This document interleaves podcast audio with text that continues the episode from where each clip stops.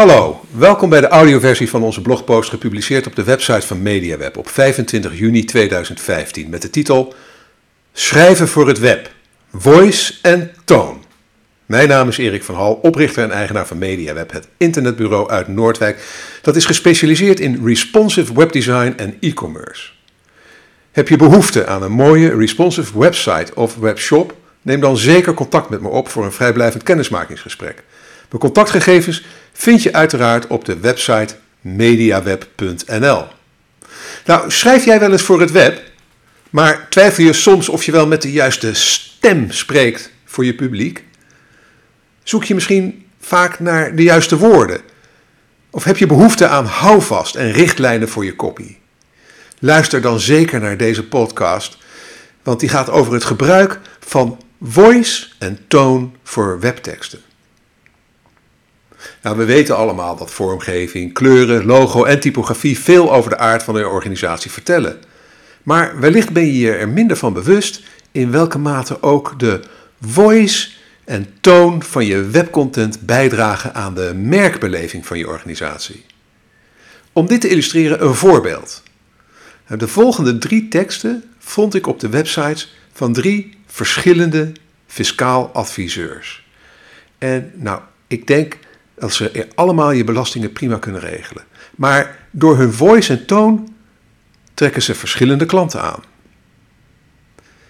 De eerste is, uh, nou, ik, ik, noem even geen namen, hè, dus uh, daar zeg ik even een bliep voor. De eerste is, Bliep is een zelfstandig administratief kantoor gevestigd in Bliep. Wij verzorgen uw fiscale administratieve zaken al sinds 1984 en dat doen we met succes. Oké, nou deze tekst is formeel en zakelijk. Hij, hij zegt eigenlijk zoveel als wij verstaan ons vak. Nou, dan gaan we naar de tweede tekst die een andere invalshoek heeft gekozen. En die luidt: Hoe zou het zijn als u bij grote levensgebeurtenissen, zoals echtscheiding of ontslag, zich geen zorgen hoeft te maken over de fiscale repercussies. Nou, deze tekst is empathisch en persoonlijk. Het geeft eigenlijk weer het gevoel van: maak je geen zorgen, het komt goed. En het derde voorbeeld, dus de derde eh, belastingadviseur, uh, de tekst van, op, op een, web, een, stukje tekst van een website, weer in een andere uh, voice en toon. Daar komt hij. Betaal geen cent te veel belasting. Fiscale regels en wetten veranderen constant. Wij houden deze in de gaten, zodat jij niet te veel belasting betaalt. Nou, deze tekst is informeel en direct. En de boodschap is eigenlijk heel duidelijk: jij betaalt geen cent te veel belasting. Nou, voel je de verschillen? Krijg je alleen al door de voice en toon van deze drie belastingadviseurs een voorkeur voor één van hen? Ik ben benieuwd. Als je naar de blogpost zelf gaat, heb ik er een poll in gezet. Zou ik ontzettend leuk vinden als je daar de tijd voor hebt, de moeite wil nemen om naar naartoe te gaan en uh, even te stemmen. Ik ben heel benieuwd uh, van onze luisteraars en lezers welke van die drie teksten eigenlijk uh, de meeste stemmen krijgt. Goed. Um, maar waar, wat je er dus aan merkt, is de kracht van voice en tone. Want het bepaalt in belangrijke mate welke klanten je organisatie aantrekt. Maar wat is dan voice? Nou, voice is de stem waarmee je als organisatie spreekt. Daarmee staat je voice voor wie je als organisatie bent. In je voice komt dus je de persoonlijkheid van je organisatie naar voren. Om je voice te bepalen is het daarom belangrijk dat je weet wie je bent en welk type klanten je het liefste wilt helpen. Nou, net zo goed als je jouw stem niet echt kunt veranderen, staat de voice van de organisatie redelijk vast. En wat is dan toon? Nou, toon is de toon waarmee je onder bepaalde situaties spreekt. Om de juiste toon voor je organisatie te bepalen, is het belangrijk dat je weet hoe je het liefst op je klanten wilt overkomen. Is dat formeel of juist informeel? Zakelijk of persoonlijk? Elitair of toegankelijk? Nou, geen van deze keuzes zijn op zich fout, zolang ze maar bij je voice passen en zolang je maar consequent bent. De toon waarin je spreekt hangt bovendien sterk af van de situatie waarin je je bevindt. Zo is het ook met de toon waarin je je organisatie spreekt. Die kan veranderen om in te spelen op verschillende omstandigheden. En daar, daarover uh, later meer. Daar kom ik nog uitgebreid op terug. Maar waarom zijn voice en toon belangrijk? Nou, ten eerste hebben je voice en toon een sterk onderscheidend vermogen. Daarmee hebben je voice en toon ook een grote invloed op hoe het publiek je merk ziet. En hoe duidelijker je eigen voice en toon, hoe beter herkenbaar je merk. En dat is belangrijk, want als je een, niet een herkenbaar merk bent, dan ben je al snel een commodity. Uitwisselbaar. Met andere woorden, voor jou tien anderen. En je zult merken dat je prijzen dan voortdurend onder druk staan. Een tweede voordeel is de juiste voice en toon wekken vertrouwen. Er is een sterk verband tussen vertrouwdheid en de perceptie van betrouwbaarheid. De stem van de bekende klinkt vertrouwd, tot die persoon ineens met een, stem, met een andere stem gaat spreken. Nou, probeer je maar eens voor te stellen dat Rob Trip plotseling zou praten als Jan de Hoop. Dat wekt verwarring en ondermijnt het vertrouwen. Consequente voice en toon zorgen ervoor dat je merk vertrouwd aanvoelt. En dat wekt op zijn beurt weer vertrouwen. Maar goed, hoe bepaal je nou je voice en toon? Nou, mocht je moeite hebben om aan derden uit te leggen waarom je organisatie bestaat, begin dan eerst met je waarom. Nou, heel inspirerend is het TEDx-talk van Simon Sinek. Start with why. How great leaders inspire action. En in de blogpost heb ik uh, de, uh, de 18 minuten durende uh, YouTube-video daarvan embed. Maar je kan hem ook makkelijk vinden door te zoeken in YouTube op Start with Why en Simon Sinek. Simon Sinek. Sinek is S-I-N-E-K. Absoluut, als je dit nog niet kent, veel mensen kennen het inmiddels, die, die video is al uit 2009, maar mocht je het nog niet kennen, ga er naar kijken. Bijzonder inspirerend en zeker ook heel erg goed om naar gekeken te hebben wanneer je op zoek gaat naar de juiste voice en toon voor je organisatie. Goed, beschrijf voor je organisatie waar die voor staat. Waaraan ontleent jouw organisatie haar bestaansrecht? Waarom doen jullie wat jullie doen? Ik wil een stukje voorlezen uh, wat ik heb gevonden op een website. En dan wil ik dat daarna even met jou doornemen. Oké, dit stukje las ik onlangs op een website. Als cliënt kunt u vertrouwen op kwaliteit.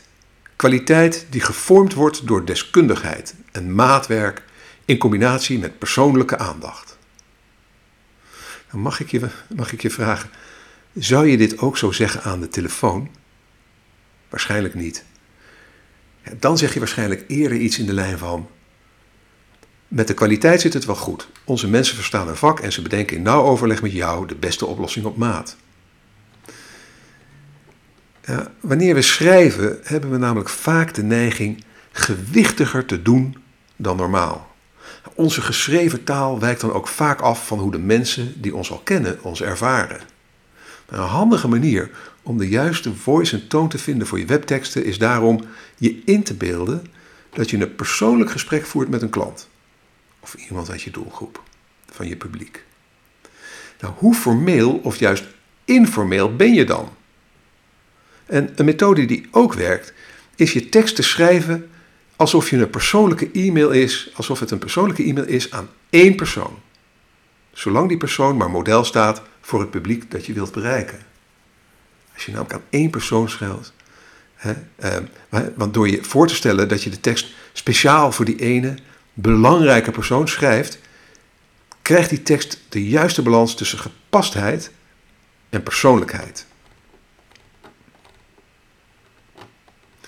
Dan wil ik nog een stukje tekst met je doornemen. En uh, dan wil ik, het je daar, wil ik het daar ook even over hebben, over ja, hoe dat anders zou kunnen. Maar dit is een tekst die ik vond op een website.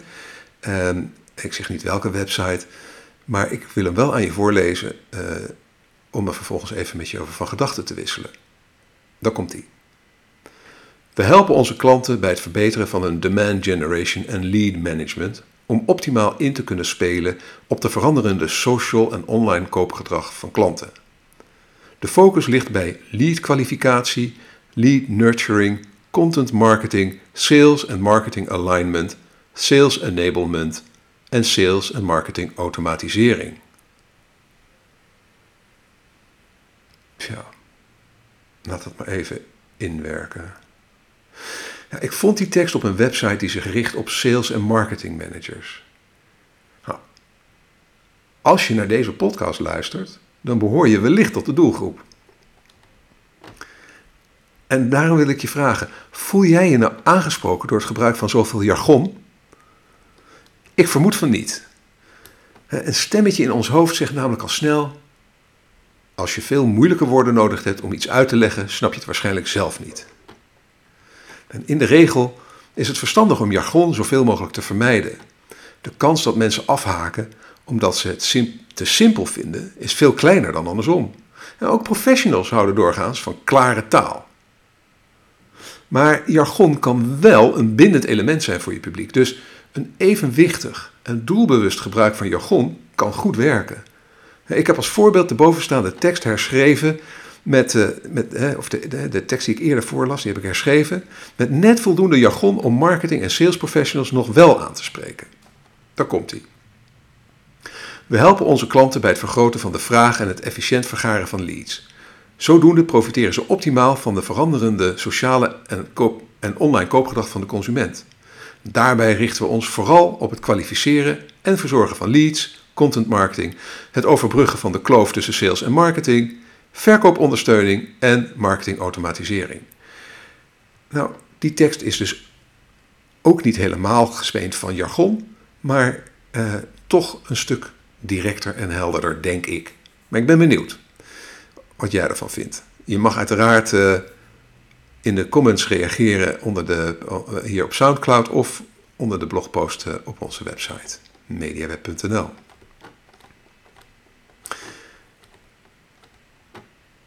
Een tekst die ik nu ga voorlezen, uh, die kwam van een lezer van de, uh, van de MediaWeb-blog uh, uit een enquête die we onlangs hielden. En deze tekst wil ik toch even met je delen. Daar komt hij. Voor zover ik weet, de enige, informatie, de enige die informatie deelt en duidelijk uitlegt in Jip en Janneke taal. Super! Ook te begrijpen voor dummies zoals ik. Nou, deze reactie vertolkt de strekking van de meeste reacties uit ons onderzoek. En daarin wegen de voice en toon ongeveer even zwaar mee in de waardering als de feitelijke inhoud, is me opgevallen. Uh, en daarmee wil ik maar zeggen dat een uitstekende bron van inspiratie voor je voice en toon je eigen klanten zijn. In welke bewoordingen praten ze over je organisatie? Om daarachter te komen kan je een aantal van je klanten vragen om over je bedrijf te praten in losse woorden of korte zinnen. Je kunt ook de communicatie die je ontvangt van klanten analyseren. Hoe praten ze over je merk op Twitter? En in e-mails gericht aan je organisatie? Volgende punt. Humor. Hoe gaan we met humor om? Nou, ken je die mop van dat blondje en die pastoor? Je voelt het al, hè? humor is riskant. Niet iedereen heeft hetzelfde gevoel voor humor. Wat voor de een hilarisch is, is voor een ander aanstootgevend. Dus tenzij je heel goed weet welk gevoel voor humor je publiek heeft, denk aan dumpert.nl, is het oppassen geblazen met grollen en grappen. En dat neemt niet weg dat ook lol maken met je content op zijn tijd heel goed kan werken. Let er alleen wel op dat de grapjes altijd in dienst blijven van je informatie. Webcontent moet vooral informeren en of vermaken.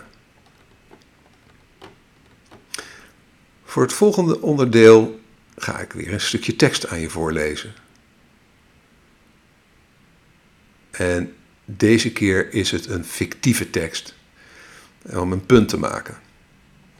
Daar komt hij. Gefeliciteerd! Drie keer is scheepsrecht. Omdat je alweer een verkeerd wachtwoord hebt ingevoerd, hebben we je account afgesloten. Ga lekker een half uurtje een blokje om en probeer het daarna opnieuw. Knipoog. Nou, hoe zou je je voelen als je in de stress, omdat je haast hebt, per ongeluk drie keer een verkeerd wachtwoord hebt ingevoerd bij een dringende betaling en je krijgt zo'n opgewekte foutmelding? Niet relaxed, gok ik. Waarschijnlijk zou het zelfs je razernij opwekken. Ja, een in een vrolijke, informele toon is dan ook niet altijd gepast. Ook al zijn je voice en toon super informeel en humoristisch, er zijn momenten dat je beter een wat zakelijkere en serieuzere toon kunt aanslaan. Mailchimp hanteert in hun voice- en toondocumentatie, en er staat een link in de blogpost, naar en dat is absoluut de moeite waard om te bekijken. Mailchimp hanteert daarin in, in het totaal 27 gevoelens die een gebruiker kan hebben bij bepaalde taken. En ook identificeert Mailchimp voor hun eigen website in totaal 23 verschillende contenttypen. Nou, en per contenttype geeft Mailchimp aan welke gevoelens de gebruiker daar kan hebben en hoe je de toon van de tekst daarop kunt aanpassen. En dat document is dus bedoeld voor medewerkers van, van Mailchimp die content moeten creëren, uh, uh, teksten moeten schrijven voor, voor de website van Mailchimp of voor andere uitingen van Mailchimp. En als een voorbeeld is ehm, bij het, bij, bij als iemand een, een, een, een, formulier moet invullen, dan denkt de user, ugh, another form before I can send a campaign. Why do they even need my mailing address? And the user's feelings are annoyance. En de tips die uh, Mailchimp dan geeft is: use plain language and common terms to describe form fields. Don't include anything that could create confusion or distraction. Write succinctly. En dan geeft ze als voorbeeld: This will help us automatically build your email footers to comply with the CAN Spam Act and International Spam Law. En een ander voorbeeld is uh, een, een, een foutmelding. En de gebruiker die denkt, what went wrong? I really need to get this campaign out. En de gevoelens die daarbij horen zijn confusion, stress, anger. En de tips voor de schrijver van dat soort content is: offer a solution or next step. Be straightforward, explain what's going on right away. Be calm, don't use explanation points or alarming words like alert or immediately. Be serious, don't joke around with people who are frustrated. Dan geef als voorbeeld: We're experiencing a problem at one of our data centers. Our engineers are on the case and will have things back to normal shortly. Nou, de 27 gevoelens uh, die, die gebruikers kunnen hebben volgens Mailchimp nou, zal ik ze maar even voor je voorlezen. Je kan het natuurlijk nooit allemaal onthouden, maar je kan het wel nalezen op, mijn, eh, op, de, op de blogpost op de website. Uh, maar het geeft je wel een idee hoe, hoe ze ermee omgaan. 27 gevoelens, daar komen ze. Opluchting, trots, blijdschap, anticipatie, opwinding, zelfvertrouwen, determinatie, bewondering nieuwsgierigheid, vertrouwen, interesse, optimisme, verrassing, afleiding, frustratie, verveling, druk zijn, sceptisch, bezorgdheid, voorzichtigheid, irritatie, kritisch, verward, gestrest, boos, hulpeloos en bang. Nou, dit is een uitstekend voorbeeld om te volgen. breng de verschillende contenttypen van je site in kaart en verplaats je in de bezoeker. Welke gevoelens kan hij of zij hebben bij deze content? Zet in je voice en toonrichtlijnen instructies voor auteurs over met welke gevoelens ze rekening dienen te houden en geef daarbij voorbeelden. Zeker als je overweegt om de creaties van je content uit te besteden. Dan komen we bij het stukje grammatica en spelling. Correcte grammatica en spelling zijn belangrijk. Maar gelukkig zijn online lezers wel wat meer vergevingsgezind dan, de, dan boeklezers bijvoorbeeld. En veel bloggers en mensen die verantwoordelijk zijn voor de teksten op websites van kleinere organisaties, die beschikken nou eenmaal niet over een eindredacteur. En in dat geval zul je zelf je teksten moeten nalezen op taalfouten. En naast een spelchecker op je computer is ook Google een prima hulpmiddel.